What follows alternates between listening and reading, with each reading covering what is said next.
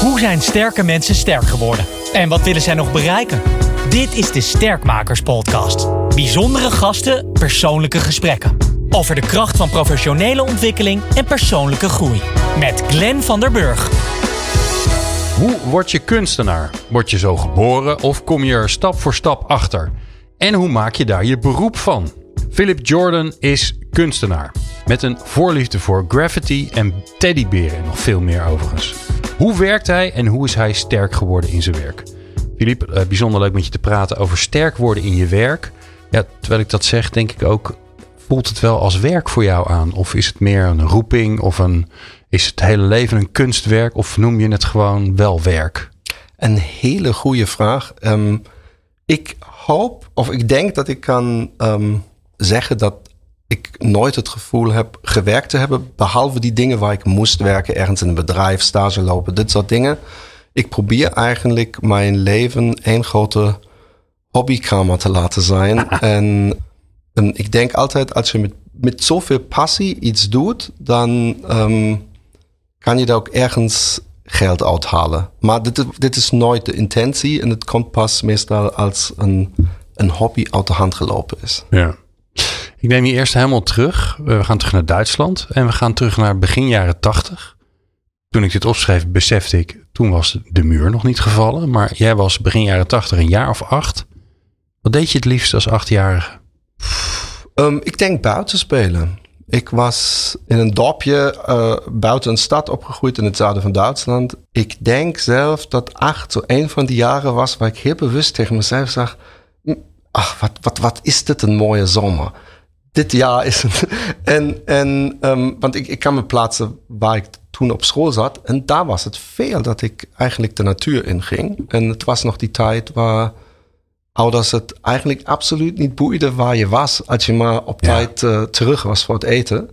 Heb jij dat ook wel eens dat je dat, want jij bent zelf ook uh, vader. Heb je dat wel eens dat je dat beseft en dat je dan denkt. Vroeger ging ik dus de deur uit als inderdaad achtjarig jongetje. En mijn ouders hadden geen idee waar ik was. Konden ook niet bellen. Het is tijd om naar binnen te komen. Dat, dat, dat was er allemaal niet. Dus daar, daar, daar, was veel vertrouwen voor nodig, volgens mij, van je ouders. Ik, uh, ik heb nog veel sterker. Ik weet, uh, een van mijn grote liefdes, skateboarding, heb ik ontdekt in San Francisco. En daar was ik misschien 12, 13 of nog jonger, misschien 10. En dan zijn we op een, een, ergens in de stad geweest. En daar zijn uh, jongens op skateboards geweest. Wij vonden het hartstikke leuk. En toen zeiden onze ouders: hey, als jullie hier blijven, gaan wij even een uurtje boodschappen doen. Ja, dat kan je bijna niet geloven. Ja. In een wereldstad, wij, wij spraken de taal niet eens. Maar um, ik kijk daar op twee manieren naar. Ten eerste, ja, daar was veel vertrouwen in. Uh, misschien ook in de wereld.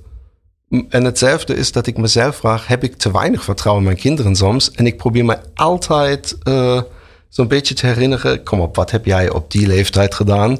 En uh, um, ik ben ook uh, volgens mijn vrouw, die een boek over opvoeding en, en pubers heeft gelezen, ben ik een buideldierouder. Dus ik ben iemand die eerder neigt om te beschermen. Oh. Maar niet dat, dat zij niks mogen, maar dat ik soms denk: hé, hey, maar kijk wel uit. Ja, ja, blijf bij me in de buurt. Ja. ja.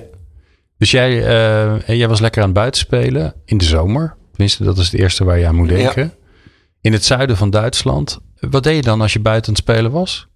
Ik denk wat kinderen allemaal doen als ze ergens in de natuur. Wij hebben een huisje gebouwd. Ik weet niet wat daar zo'n. Zo en uh, op een gegeven moment begin je het huis in te richten met um, grof vuil meubels die je vindt. Ja, spelen, uh, vangen. Rommelen. Ja. ja. Ja. Gewoon van alles. Je ziet ja. wel waar je, je, gaat, ja, je gaat naar buiten, je bedenkt wel wat je gaat doen. Ja, en, en het was ook, en dat zie ik wel terug hier bij mijn kinderen, uh, heel veel kinderen op straat. En um, dat je dan s'avonds van allemaal spelletjes die waarschijnlijk hier ook uh, bestaan met z'n allen speelt. Dus dat was wel heel fijn. Ja. Wat heb je van je ouders meegekregen? In mijn kinderjaren of uh, over mijn hele ja. jeugd? Nou ja, vooral, in, vooral in je, tijdens je opvoeding. Hè? Dus zeg maar totdat je loskwam. Um, ik denk, wij, wij mochten, tenminste was dat mijn belevenis, wij mochten vrij weinig televisie kijken. En mijn moeder, en dat heeft zij ook later altijd gezegd, maar ik kan mij daar ook nog heel goed herinneren, als ik mij verveelde, heeft ze altijd een, een blok papier en stiften. Hier, je mag iets tekenen. En ik vond knutselen sowieso altijd leuk. Dus um, dit heb ik meegekregen, maar ook uh, veel buiten zijn en, en uh, veel beweging. Is ook iets wat ik heb meegekregen. Mijn vader was, uh, naast dat hij een heel succesvol advocaat was in Duitsland, was hij ook, of hij leeft nog, maar hij is geen advocaat meer. Nee. Um, was hij ook een hartstikke obsessieve hardloper. Dus uh, die, die, uh, ik was heel vaak aan de rand van ergens een, een hardloopwedstrijd. en um, hij is met 50, was hij zijn 50ste marathon gelopen, met Zo. 60 zijn 100ste. Oh. En hij loopt ook veel harder dan ik uh, ooit zal lopen. Maar ik ben wel blij dat hij dit voorgeleefd heeft. En hij heeft toen al, niet dat het superveel, ja wel invloed, maar hij heeft gehad. Hij was heel gezond altijd. Dus hij was al in de jaren tachtig dat hij bijvoorbeeld maandenlang alleen maar rauwkost ging eten. Dus in principe was hij veganistisch lang voordat het woord überhaupt bestond. Ja, ja. En ik weet ook nog dat ik een tijdje van die, um, dat is een woord voor in het Duits, dat als je een koren niet klein maakt helemaal tot bloem, maar alleen maar zo'n beetje crushed. Ja. En dit overnacht in uh, citroenwater inlegt. En dan s ochtends fruit. En ik vind het al zielig als ik daarover praat, want dit was mijn ontbijt. Klinkt niet heel lekker. Nee, nee, Maar, maar dit was een keuze voor mij, want het heeft mijn vader ook gegeten. En daar werd je hartstikke oh, daar ben je sterk, van. En ja, groot. Ja. En ja, dus, dus ik heb wel, uh, dit is ook een belangrijk ding waarschijnlijk. Dat, dat ik wel weet wat goede, goede voeding is. Betekent doe, nee, maar, nee, niet maar je altijd. weet het wel. Ik weet het wel, hoe het zou wel. kunnen. Ja, en je moeder? Um, ja, mijn moeder, um, ja, die, die, ja, die was vooral een, een, iemand die mij liefde heeft gegeven, altijd. Terwijl zij zero liefde heeft ontvangen als kind. Zij heeft de verschrikkelijkste jeugd met van de moeder aan een zeeman verkocht en allemaal dit soort dingen. Gek genoeg uh, is het haar gelukt, wat iedereen hoopt dat je de, de, de dingen die je mee, dat je een betere kindheid creëert dan je zelf had. Het is haar hmm. zo goed gelukt. Dus um, zij was altijd, of is altijd nog steeds een harmoniemens. En dat ben ik zeker ook. Ja, ik denk dat ik van haar sowieso dat uh, je kan altijd tekenen of iets leuks doen uh, mee heb gekregen. Ja, ja, ja. Dat was zeg maar wat, nu, wat je nu vaak ziet bij ouders als ze even denken: ik weet niet zo goed wat ik nu met mijn kind aan moet. Hier is een iPad. Jij kreeg gewoon een ja, stuk ja. papier en een paar stiften. Veel succes. Ga maar lekker tekenen, Filip. Ja. ja. Ja, herkenbaar hoor. Ik was ook vroeger altijd uh, motoren en, uh, en uh, Formule 1 auto's aan het tekenen. Ik was al lang, lang niet zo goed in als dat jij erin in bent geworden uiteindelijk. Maar, maar dat was wel heel herkenbaar. Ja. Ik denk dat je waarschijnlijk beter Formule 1 auto's kan tekenen dan ik. Want ik heb een hekel aan alles wat statisch of technisch is. Ah. Ik, ben, ik ben heel erg... Och, ik, ik kan wel mijn best doen. Maar ik ben meer van die personen en organische vormen ja, ja, dan van huizen, auto's, dit Dingen. soort dingen. Ja, ja, ja. Auto's hebben mij ook nooit geboeid, geboeid als wat een uitzondering is als Duitser, volgens mij. Ja. Ik ben ook die ene Duitser die geen bier drinkt, trouwens. Dan heb je die ook aan moet een rare Duitser ben je. Ja, inderdaad. Um, kun je nog een leraar herinneren van vroeger? Die, Oh. uh, die, uh, iets, waar je echt iets van geleerd hebt, die, uh, ja, die belangrijk is voor, geweest voor je? Ik ken, kan me heel veel leraren. Ik, ken ik denk dat ik bij, bijna allemaal mijn docenten kan herinneren. En ik heb een hoop dingen gehad waar ik ook nog echt quotes in mijn ho- hoofd heb. En denk, ja, dit was een, een goede leraar. En, en um, Doe er eens één. nou ja, één iemand die was mijn Duits leraar op kostschool. En dan is één keer per jaar is ouderdag. En dan komen de ouders en um, praten dan met, dus met die docenten. En daar ben je eigenlijk altijd bang voor. En die zei tegen mijn ouders, um, Philip gaat begin van de les een pen pakken. En dan gaat hij alleen maar tekenen, de hele les door.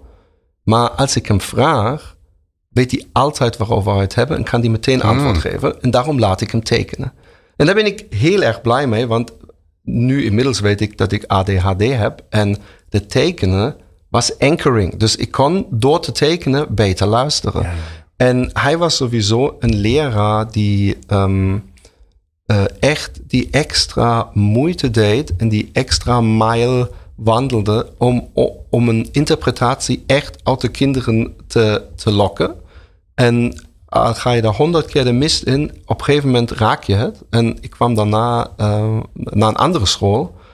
En hier is het boek en hier is de interpretatie. Dus, dus dat, dat eigen denken um, is niet bij elke docent. Hmm. Maar ik heb heel veel, juist door mijn kostschooltijd, echt uh, denk ik dat uh, goede docenten um, zoveel meer waard zijn dan heel veel andere dingen die wij heel erg op prijs stellen in onze maatschappij. Ja. En, en eigenlijk, Waarom zat je op een kostschool? Um, nou ja, ik, mijn, mijn, broer was super. Uh, die, was in het, die stond op het moment om een tweede keer te moeten herhalen. En dan is hij naar kostschool. En op een gegeven moment kwam ik dus op zo'n ouderdag mee. En daar uh, zei mijn broer tegen zo'n hey, ik ga hem even dingen laten zien.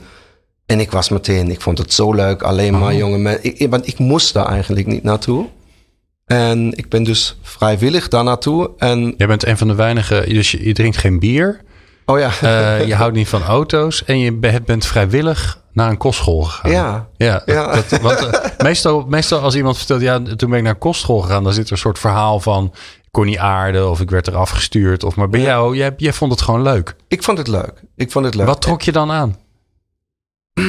Het, het, grappige is, ik was afgelopen weekend een keer, bijna 30 jaar later, op die kostschool. En het heeft nog steeds die aantrekkingskracht. Het zijn hele oude, mooie gebouwen. Dus het heeft zo'n misschien Harry Potter vibe voor, voor mensen die, die nooit op een kostschool zaten.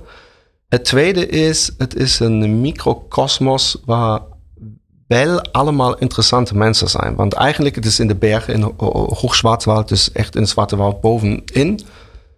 En um, eigenlijk als uh, iemand die in zijn beste jaren zit, 14, 15, 16, heb je niet de behoefte om van een stad naar een klein dorpje in de bergen te gaan.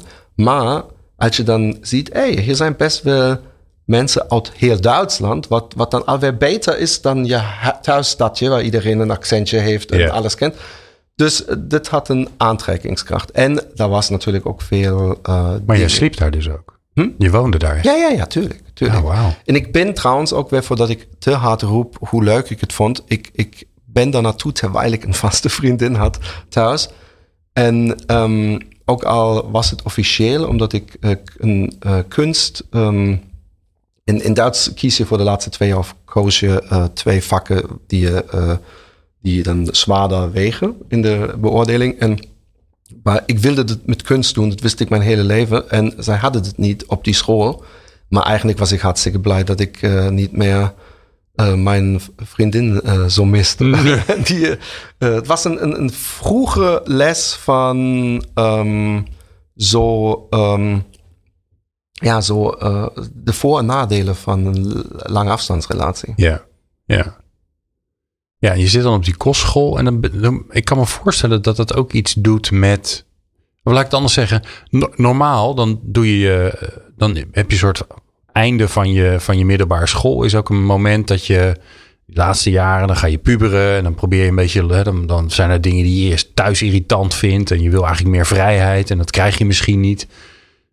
Ik kan me voorstellen dat als jij op je veertiende op kostschool gaat en dus voor een groot gedeelte niet meer thuis woont, dat dat ook iets doet met je ontwikkeling. Dat je, dat je al veel eerder los bent eigenlijk. Je bent al eigenlijk al eerder op kamers dan dat je gaat studeren. Ja. Hoe kijk je daarnaar? Uh, ja, nee. Je, je bent eerder op kamer en je bent gewend. Uh, of je moet leren dat je, uh, als je een probleem hebt, mentaal of, of gepest of whatever, je moet er eigenlijk mee leven kunnen. Dus je leert wel ook al heb je natuurlijk leraren die als ze het opmerken dan met jou praten. Maar um, ik weet wel dat op de, die kostschool een, een woord was wat je vaker hoorde was... Oh, hij heeft een depri-fase. Ah, oké, ja. dus je had natuurlijk En dat is best oké. Okay. Dat is best oké, okay, yeah. dat hoort erbij. Maar ik kan me herinneren dat het een, een vreemde, vreemd gevoel is... als je in zo'n pittoresk omgeving... want je ziet ik, ik heb de raam open gedaan en ik zie bergtoppen en koeien. En wij hebben uh, in de winter sport uh, gehad, skiën en alles. En ja, dit, dit, allemaal die, die, dit, die schoonheid krijgt een bitter bijsmaak als je liefdesverdriet hebt of Of je het heimwee ja, je heimwee, moeder. Of je hebt Ja. het gevoel, juist op zondagen was het altijd zo. Dit was wel eh, soms zwaar als dan veel kinderen in het weekend geweest zijn. Want die mag over, om de twee of drie weken wel van weekend naar huis.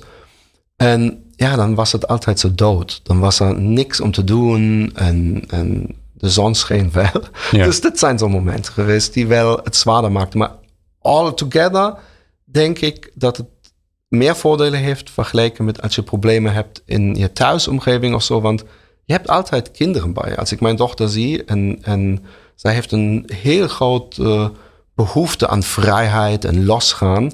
En ik eh, eh, moet van mijn vrouw dan soms herinnerd worden, ja, laat haar gaan. Ja. Dat het, zodra daar niks misgaat, eh, eh, ze moeten toch leren. En wij zijn ook heel vrij geweest. Dus eh, ja, die, voor haar zou het ideaal zijn, zo'n school. Want altijd andere jeugd. Hm.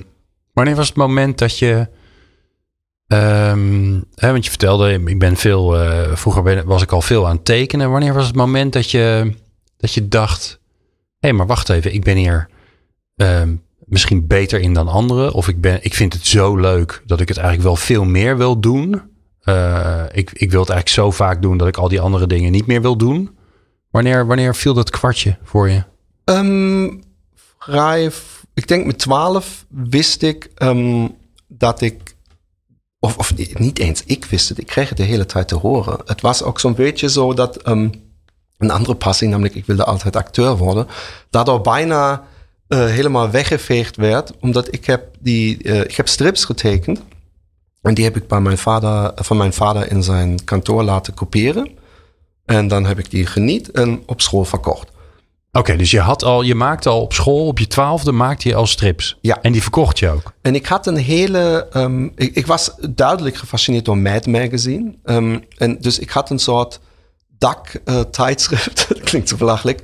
Die heette Krok. En dit was zo de, de, de eh, ehm, stripkrant met verschillende stories in.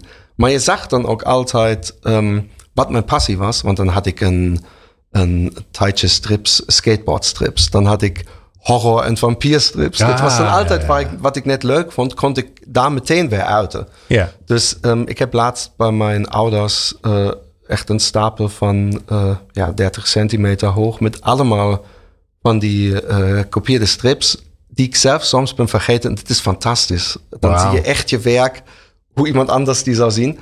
En ehm, dit was duidelijk een punt waar ik wist, nou ja, je moet dus zoiets doen. En, En vond het al mooi, je zei, anderen zeiden eigenlijk tegen mij, dit is bijzonder wat jij doet. Ja, en het was ook trouwens niet alleen maar positief. Op een gegeven moment stond een moeder voor school en zij pakte mij echt aan de kraag en schudde mij en zei: Als je nog één keer mijn zoon tekent, dan stuur ik eh, vechterstypes op je af. en ik heb heel lang, heb ik eigenlijk dit een beetje trots verteld, maar langzaam draait het een beetje. En ik denk: Ja, shit.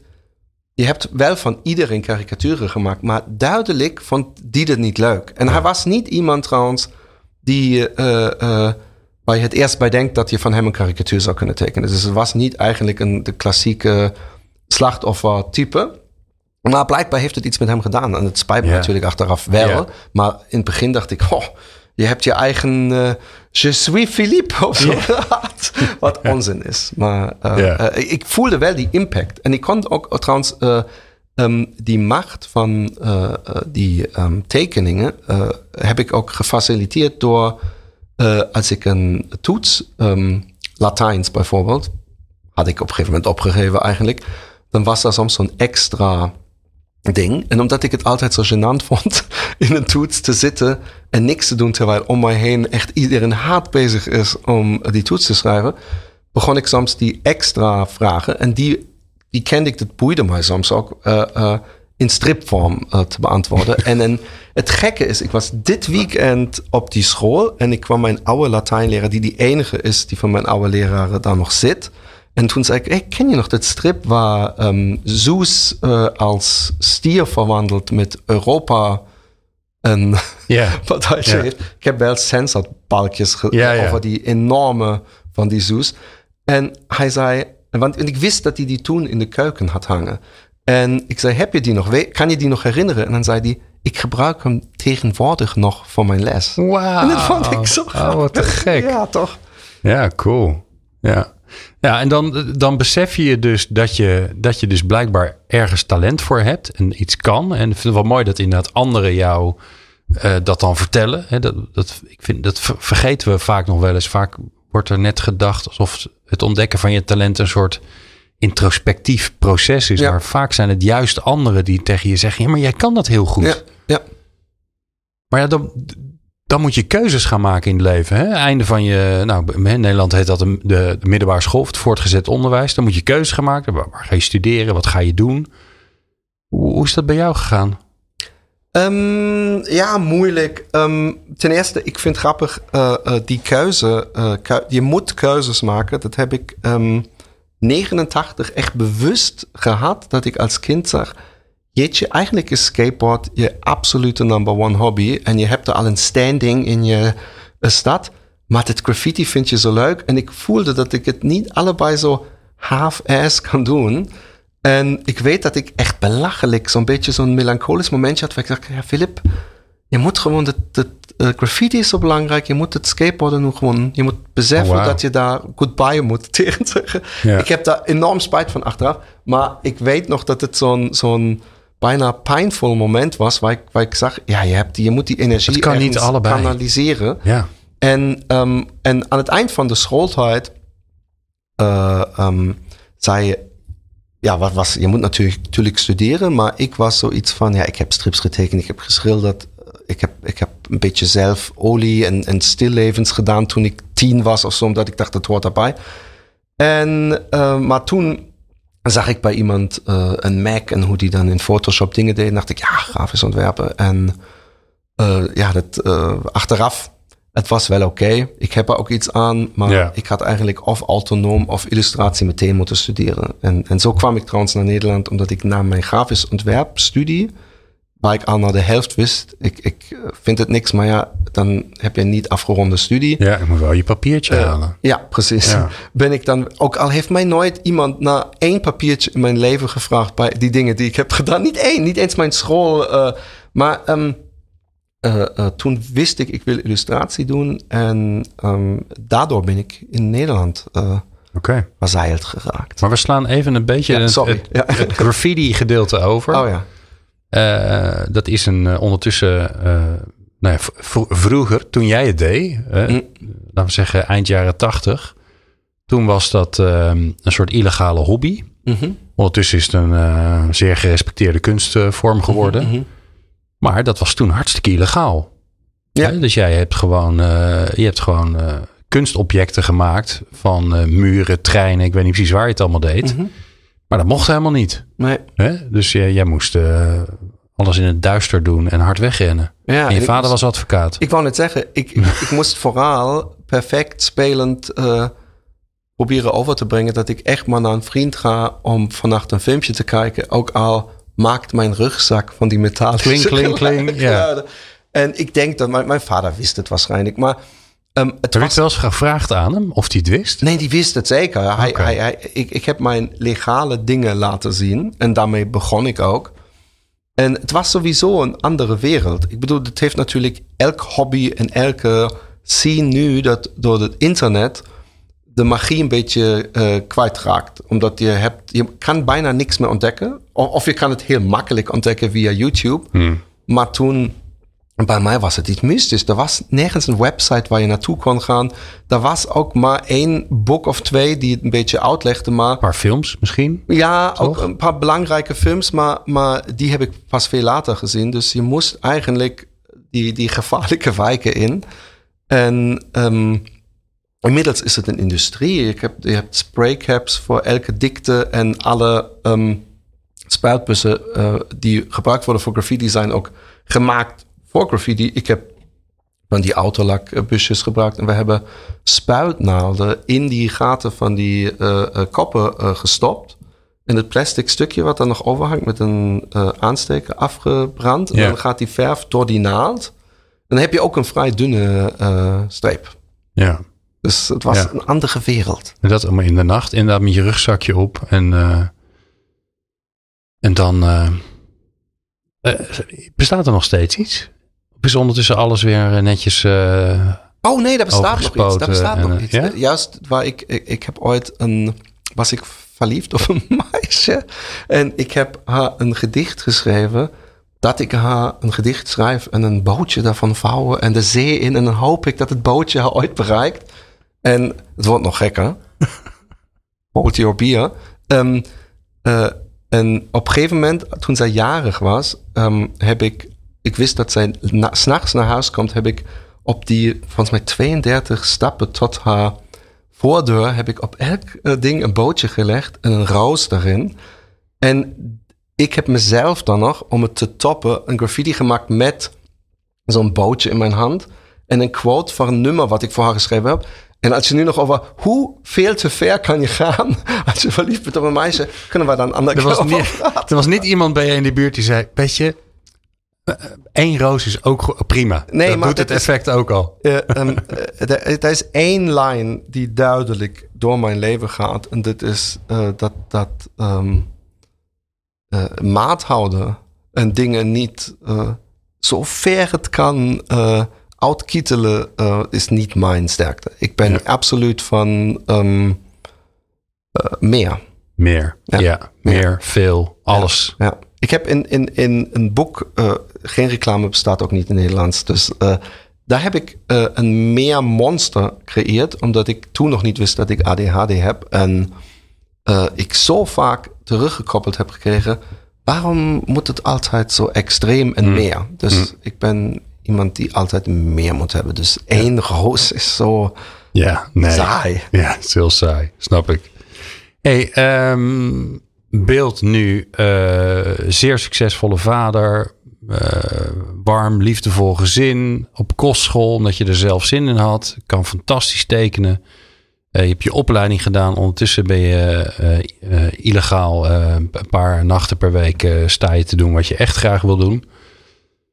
Ehm, ja, op een gegeven moment moet je toch geld gaan verdienen iets wat, nou ja, je, je noemt het zelf geen werk, maar ja, je moet toch, je bent ook, denk ik, wel vanuit, je- vanuit je gezin gewend dat er, dat er, dat er geld is. Hm. Ehm, hoe zit dat er dan in bij je? Want het beeld dat wij in Nederland, denk ik, ehm, eh, zeer karik, eh, wat een kari- karikatuur is van een, van een kunstenaar in Nederland, is iemand die, die een uitkering heeft. Ehm, ja, ik doe maar even lekker plat. Mhm. Eh, iemand die een uitkering heeft, die prachtige dingen maakt, die meestal niet al te fantastisch verkopen. eh, eh, hard werken, weinig verdienen, eh, sappelen, een beetje dingen bij elkaar hosselen. Maar dat is het dan wel. En een paar mensen zijn succesvol en verdienen natuurlijk prima geld. Maar voor, voor veel mensen, hè, als, je, als je in mijn tijd, wij zijn ongeveer even oud, als je, als je naar de kunstacademie ging, zeiden ze nou, sterkte. En dan je ouders, die vonden dat meestal niet zo'n goed plan. Ja, wat ik altijd heel triest vind als, het, als ik het meekrijg van andere ouders dan. Ja, Ehm, ja. ehm, ah, ik, ja, ik moest natuurlijk geld verdienen. En bij mij was het ehm, om eh, direct te beantwoorden. Ik was op een gegeven moment na eh, twee jaar studie een propedeuse heb ik volgens mij sowieso in het, na het eerste jaar had je die. Ja, als je het goed doet. Eh, ja. ehm, ik heb het heel goed gedaan. ik, heb, ik, ik heb de eerste jaar eh, eh, meer ISA-punten gehad dan je eigenlijk voor de hele studiekanalen, eh, Oh. besefte ik. Maar nee, en, en, en ik stopte dus omdat dan was een eh, ehm, stagejaar. En ja, dat had ik allemaal achter de rug. En, en dan nog twee jaar puur om dat afgestuurd te hebben. Dus ik zat ehm, thuis en wij hadden in die studie een, een semester opdracht die was your favorite place. Jouw favoriete plek. En mijn favoriete plek, de kinderjaren. Het is Hmm. een droomwereld. Je gelooft, je, je, bent, eh, eh, je bent nooit echt bang over, je moet je niet zorgen maken over je existentie, maar je hebt een kerstman. Je hebt in Duitsland dan, jullie hebben dan eh, meer Sint. ja, En, of allebei, maar Sint is, hier groter of het grotere feestje. En je hebt een paashaas, eh tandvee. Je gelooft in zoveel mooie dingen. En toen begon ik eh, voor, dit, voor die opdracht om het speelse terug te laten zien. Iets wat ik soms steeds nog doe, dat je een, eh, een paar doeken hebt. En die kan je verschillend, op verschillende manieren aan elkaar zetten en dan zie je verschillende dingen. Dus dan heb je ook eigenlijk een goede verkoopspraat. Want hey, de doek, als je het saai vindt, dan hang je hem om. Heb je een hele andere... Daarom, en je moet er gelijk vijf kopen. Ja, ja, dit is ja, want dit anders is, werkt is- het niet. Het is een vijfluik of Ja. een vierluik. Dat, dat is dus natuurlijk. is het iets duurder, maar dan heb je ook gelijk Oh, wel, hè, dan heb je wat. En ehm, uit die eh, ehm, opdracht ehm, ben ik dan gaan doorwerken. Want ik vond eigenlijk het probleem van de witte canvas of het witte blad papier van een schrijver is juist te veel vrijheid. Dat is wat wij elke avond, tenminste ik, eh, doormaken als wij denken, wat gaan we vanavond kijken? Dan hoe meer aanbod je hebt, hoe moeilijker wordt het, niet hoe makkelijker. Dus wat ik voor mezelf heb besloten, Philip, eh, je vindt alle verschillende, er zijn zoveel dingen die je leuk vindt, maar blijf bij dit onderwerp, want eh, je kan dan nog altijd eh, uitbreiden in verschillende eh, richtingen, maar blijf met die jeugdjaren als inspiratiebron. En dat doe ik eigenlijk tot de dag van vandaag. En een van mijn werken, die in die puzzelschilderij altijd terugkwam, was dus een teddy. Want een teddy is eigenlijk een soort personificeerd stuk textiel waar je als kind, ook al weet je eigenlijk ergens dat het, maar als kind heb je nog die extra, nou wie weet, Ja, misschien ja. luistert hij wel naar mijn problemen. Ja. En- je kan er al in ieder geval al fantastisch mee knuffelen altijd. Precies. Ja. En daardoor ehm, vond ik, eh, da- daardoor, dit, dit is een soort symbool, eh, want, want dit, die, die percentage die je als kind zegt, hey, ik ga het wel vertellen, ik ga wel knuffelen, ik ga wel met die, met die teddy praten, dat je dit doet, dit kan je nooit meer terughalen als volwassene. Je kan honderd keer live action roleplaying doen of whatever. Je, je zal nooit meer in de kerstman geloven. En, en, en dit is, heeft zoiets melancholisch. En daarom werk ik veel met teddy's die meestal zonder een bepaalde uitdrukking starren naar de kijker. Om zo'n beetje, hey, ben je ons vergeten? Ja. Je was ooit iemand die zoveel meer kon eh, geloven en dromen. Mm. En tegenwoordig is het maar nog 9 to 5. Dat is een beetje de gist. Of, Ja, ja. Ja, en ik heb even eh, te- ter voorbereiding van ons gesprekken online zitten kijken. Eh, het is wel heel grappig, hè, want die, die eh, teddyberen, die, eh, het zijn vooral koppen die je ziet. Mhm. En die kijken je een soort van verbaasd aan, vind ik. Zo, zo van uitnodigend. Mhm. Eh, niet op een vervelende manier. Dus het is, ja, je, je, je geeft een beetje je eigen gevoel eraan, vind ik wel grappig. Ah, heerlijk, heerlijk. Ja. heerlijk. Dit, dit is het idee. Dus je kunt denken, oh shit, waarom kijken ze allemaal naar me? Maar dat ligt dan aan jou, want je kunt ook denken, hé, hey, ze nodigen me uit. Dus het is, dat vind ik het grappige ervan. Die, ik heb een, een installatie eh, gemaakt, die heette Duizend Teddy's dus. Ehm, en daar ben ik ook met, mee rond de wereld. En het idee was dat het iets in je oproept en eigenlijk een soort re- zelfreflectie eh, oproept. Want zouden die teddy's boos kijken bijvoorbeeld? Wij zijn het heel gewend dat mensen altijd iets kritiseren tegenwoordig. Dus dan word je meteen defensief. Dan, dan ben je niet meer opengesteld. Ehm, en als iemand heel lief kijkt, je kan het ook voorstellen in een treinsituatie. Als iemand jou boos aankijkt, eh, dan denk je op een gegeven moment, oh shit, dan kijk ik liever weg. En als iemand kijkt, hallo, dan denk je, ha. Maar als iemand alleen maar kijkt, dus als een groep mensen alleen maar kijkt, dan begin je, is mijn rits open? Ja, Heb ik er ergens nog wat, Ja. wat jam aan mijn eh, lip hangen of zo? Ja. Dus ehm, ehm, dat het een actief gevoel oproept. Ik Ja. ben heel blij dat, dat jij eh, dat zo Ja, ik vond het heel erg werken. Ja, Ja. maar het zijn er duizend. geweest, ja. Dat zijn er wel veel. Ja, het zijn nog veel meer geweest. Ik denk dat ik, eh, eh, omdat ik heb he- per ehm, expositie, ik weet dat ik in Hamburg meteen die eerste expositie heb ik 117 verkocht. Dus je moet altijd eh Ja, moet. om. En ik ben met 1200 in de, naar de VS gegaan. En hoeveel kwam je terug? Minder. Nee, eh, als ik jou vertel in welk jaar ik naar de VS ben Ja? gegaan, 2008. Ah, En, en ja. Ehm, dus wij, wij hadden eigenlijk die teddy's net op de container gezet. En dan moet je van alles, die moeten gegast worden en alles. Dus er zit, een hele staat mee aan. En ook met belasting, hoe je dat doet. Dat, dat je niet onwijs veel al betaalt voordat je één teddy hebt gekocht. En eh, ja, dan zijn die onderweg geweest. En dan eh, eh, begint de crisis. ja. En die mensen hadden helemaal geen huis meer waar zij hun werk konden geen teddy en ik heb, ik ophangen. heb wel verkocht. Maar het was bijvoorbeeld wel zo dat in L.A. Um, op een gegeven moment die galerist, een mevrouw, die sowieso al daarvoor altijd zei zo dingen van... If the expo isn't working, I'm jumping off that building. Okay. En ik dacht nog, ha, grapje. Maar haar vriend heeft veel te serieus gezegd... Mary, don't say that. en toen dacht ik, shit. en, en zij belde niet. Wij, wij hadden een, ex, een, een opening. Daar hebben bij die opening mensen wat doeken verkocht, eh, gekocht. En uh, weken en maanden daarna, mijn agent kreeg haar niet meer te pakken. En ik dacht, nou, daar zie ik mijn, mijn teddy's worden ergens in La Jolla op de week market voor, voor 5 dollar a piece yeah. verkocht of zo.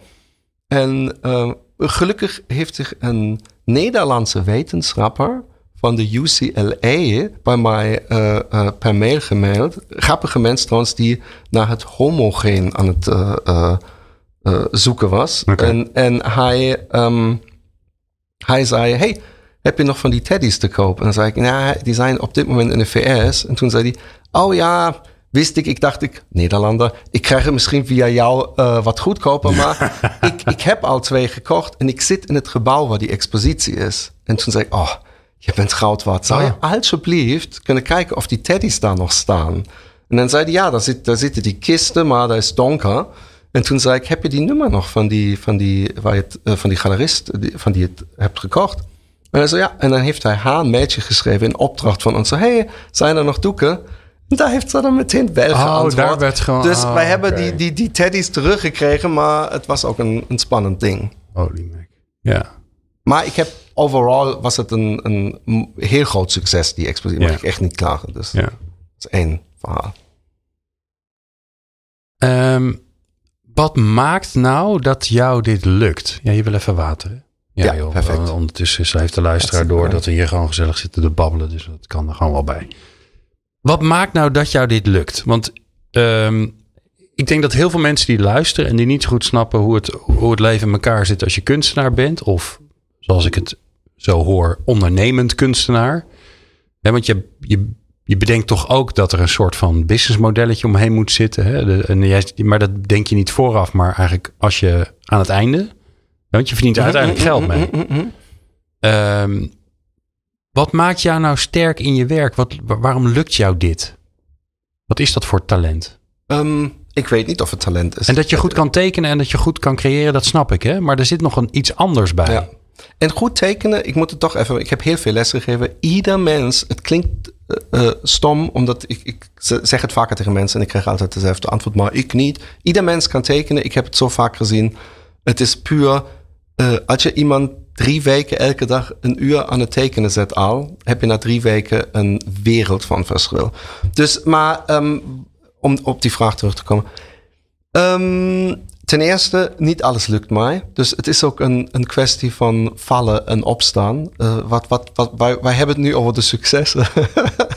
maar, um, ja, er is ook nog een duizend ander project en dat is ja. totaal mislukt. En um, ik kwam natuurlijk, ik, ik, uh, en dit vind ik wel heel belangrijk om te zeggen, dat dat natuurlijk ook een privilege is. Want ik was als kind, tenminste wist ik altijd, uh, ik heb ouders die uh, mij kunnen opvangen. Dit is wel iets wat ik vind wat, wat heel belangrijk is om te vermelden. Ja. Maar um, dat gaat natuurlijk niet eeuwig met die ouders die je steunen.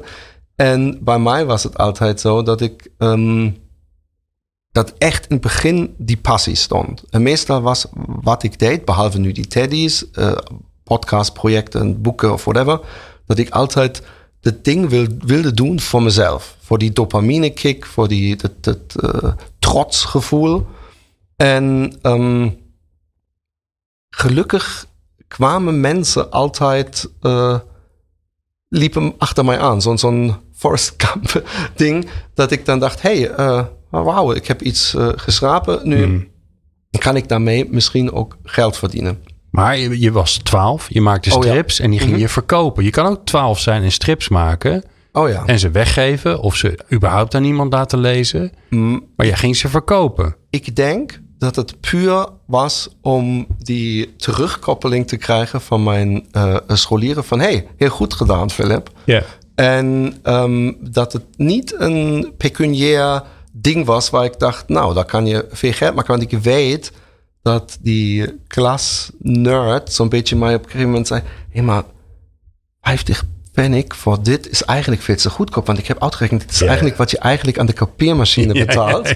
dus ik, en ik ben nog steeds trouwens absoluut geen goede zakenman. Dus uh, uh, ik, ik, ik, ik, ik, sta soms versteld als mensen uh, iets accepteren en vraag me af, shit, had ik ook nog een veel hoger bedrag kunnen noemen.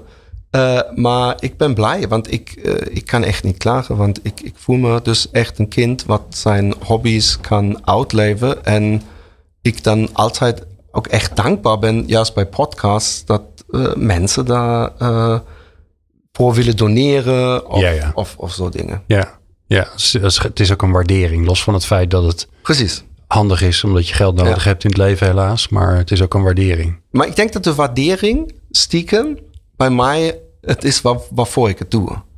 En, en uh, uh, dat geld is voor mij alleen maar belangrijk dat ik zeg maar uh, tot de volgende vakantie kan kijken, zo'n beetje. Dat is mijn, hoe ik erin zit. Ik ben ook helaas nooit iemand die, nou, ik heb nu genoeg geld gespaard voor het vakantiehuis. Ja, ja, ja. Dat, dat, het vakantiehuis heb ik inmiddels, denk ik, in, met heel veel mooie diners opgegeten. Ja, nou, daar word je volgens mij veel gelukkiger van. Ja. hey, we laten ons even verrassen. Dat doen we omdat uh, uh, dat doen we altijd in deze podcast. Uh, dit keer heb ik meegenomen de coachkaarten. Een mooi kaartspel van ontwikkeld door Esperance Blauw, een prachtige naam. En dat wordt uitgegeven bij uitgeverij Thema. En ik maak hem even open, live hier. En ik, oh, dat vind ik wel gelijk heel erg leuk. Want bovenop liggen de positieve vragen. Oh. Nou, dat willen we wel, hè? Oh ja. Ja, dus ik, ik, ik, ik ga een beetje sturen. Maar ik zoek er een blind een uit. En die uh, dan zou je altijd zien dat het net weer een ander is. Oh, ze liggen gewoon dwars door elkaar. Dat is toeval. Dit is een positieve. De positieve vraag. Ja, dat is een leuke. Waar voel je je als een vis in het water? Kijk, en er zijn ook leuk. Er staan visjes op ook nog eens een keer. Dus dat is mooi.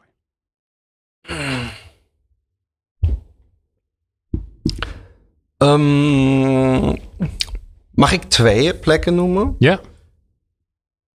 Ten eerste, uh, beetje cheesy, bij mijn gezin. Maar ik, ik, uh, dat klinkt stom, maar ik, ik zie het steeds vaker terug dat als mijn gezin weg is, dat ik uh, met een afstand, uh, als die week eraan komt, waar zijn naar de schoonouders en ik moet voor werk thuis blijven, dat ik al een week van tevoren denk, yes, dan kan ik gewoon, hoef ik niet dit te doen en dan kan ik smiddags op de bank Yeah. en allemaal dingen.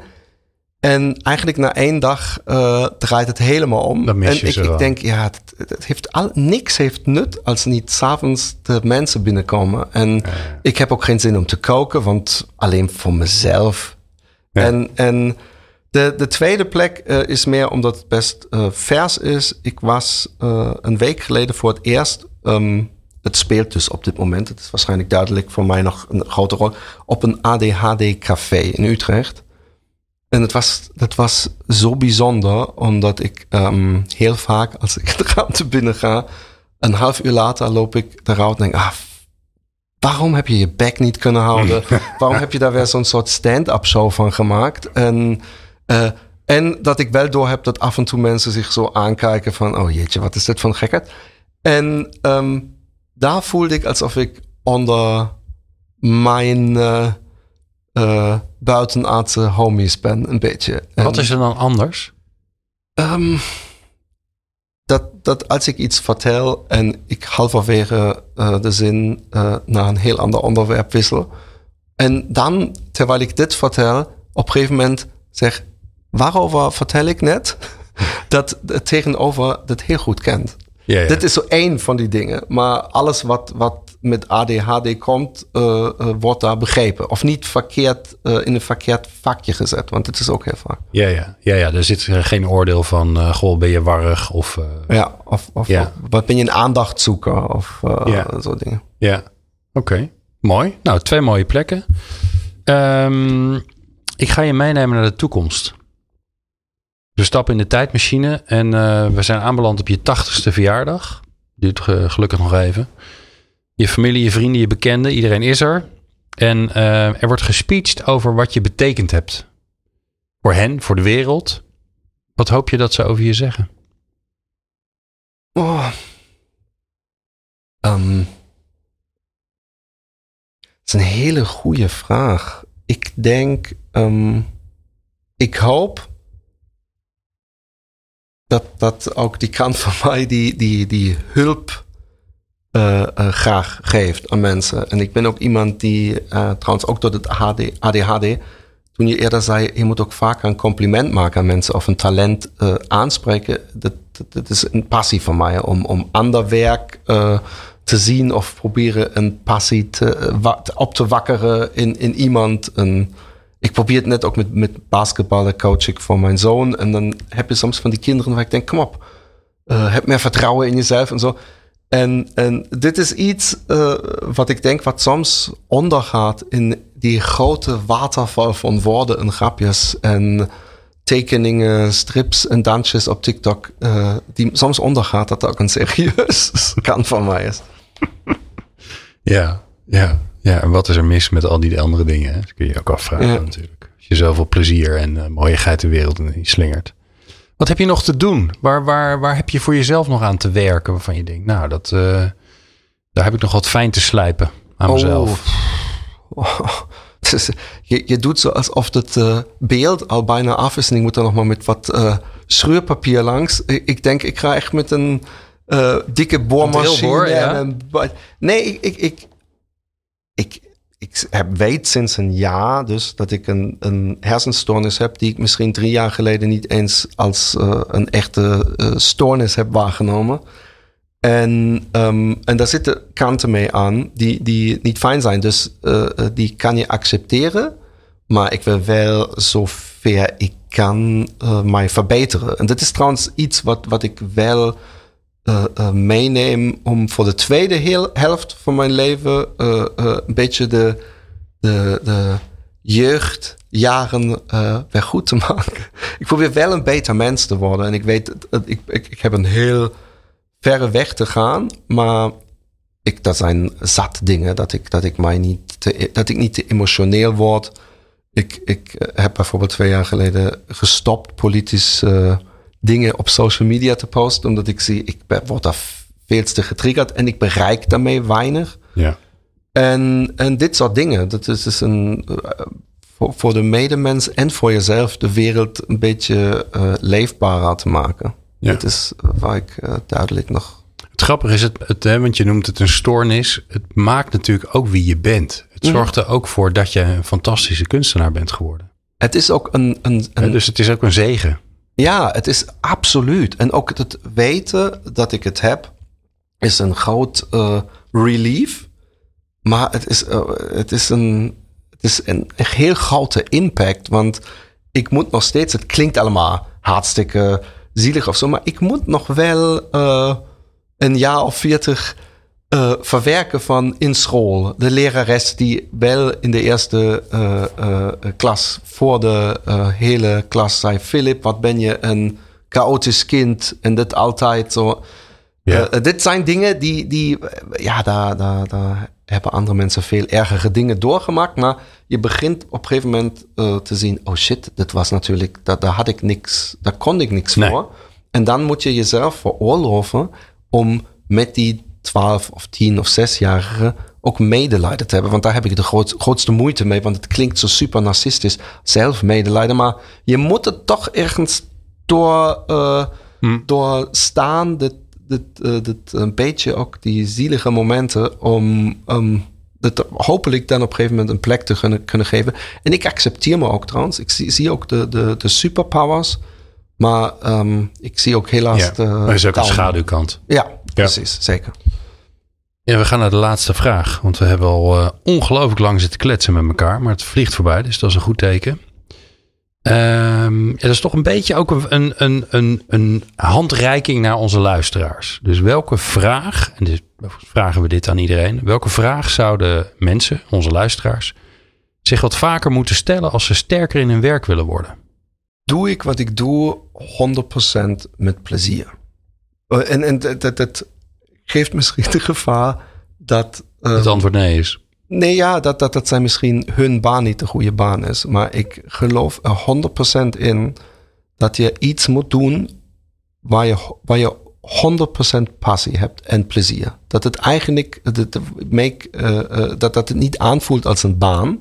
Want alleen dan ben je beter dan de ander. En, en dan is het iets wat, wat ik vind wat uh, je voor de rest van je leven zou kunnen doen. En, en misschien is het soms een beetje zielig, omdat je ziet, oh shit, het enige wat ik wil doen uh, levert niet zoveel geld op, maar dan ben je ja, wel de blijste. skateboarden. Ja, maar, ja. Maar, maar dan nog, er is altijd een weg om iets met passie te doen, geloof ik. En, en uh, dan doe je het automatisch beter en uh, leef je waarschijnlijk langer, omdat je bent minder gestrest van alles. Dus ik denk altijd plezier hebben. Maar misschien is het mijn heel kindachtige ADHD-brein wat zo denkt. Ik zou lekker uh, dicht bij, uh, bij, dat, bij dat kind blijven. Volgens mij dan ben je daardoor een leuk mens geworden. Uh, dankjewel Philippe. Bijzonder leuk met je te praten. Je hebt geluisterd naar Philip Jordan. Ik noem hem Jordan, maar het is natuurlijk Duits. Dus ja, Philip Jordan. Jordan natuurlijk. Hè? Ja. Um, waar kunnen mensen meer over je vinden? Online. Ja, dit, dat is natuurlijk linktree slash Philip Jordan en, en, en Teddy's in Space en Teddy's met EA. Op Facebook en Insta en, en zo dingen. Okay, wij zorgen voor linkjes. Uh, die linkjes die vind je in de uh, show notes. Net zo goed als uh, meer informatie over het kaartspel. En als we nog wat whitepapers hebben die hier bij Mooi Paas, stoppen we die er ook bij. Dankjewel voor het luisteren. Bedankt voor het luisteren naar de Sterkmakers podcast. Hopelijk heb je er nieuwe energie van gekregen. Maar echt sterker word je door er iets mee te doen. Dus waar wacht je op? Aan de slag! Meer podcasts vind je op jouw favoriete podcast-app door te zoeken op de Sterkmakers Podcast. Bezoek ook onze website sn.nl/podcast voor alle informatie over de Sterkmakers Podcast.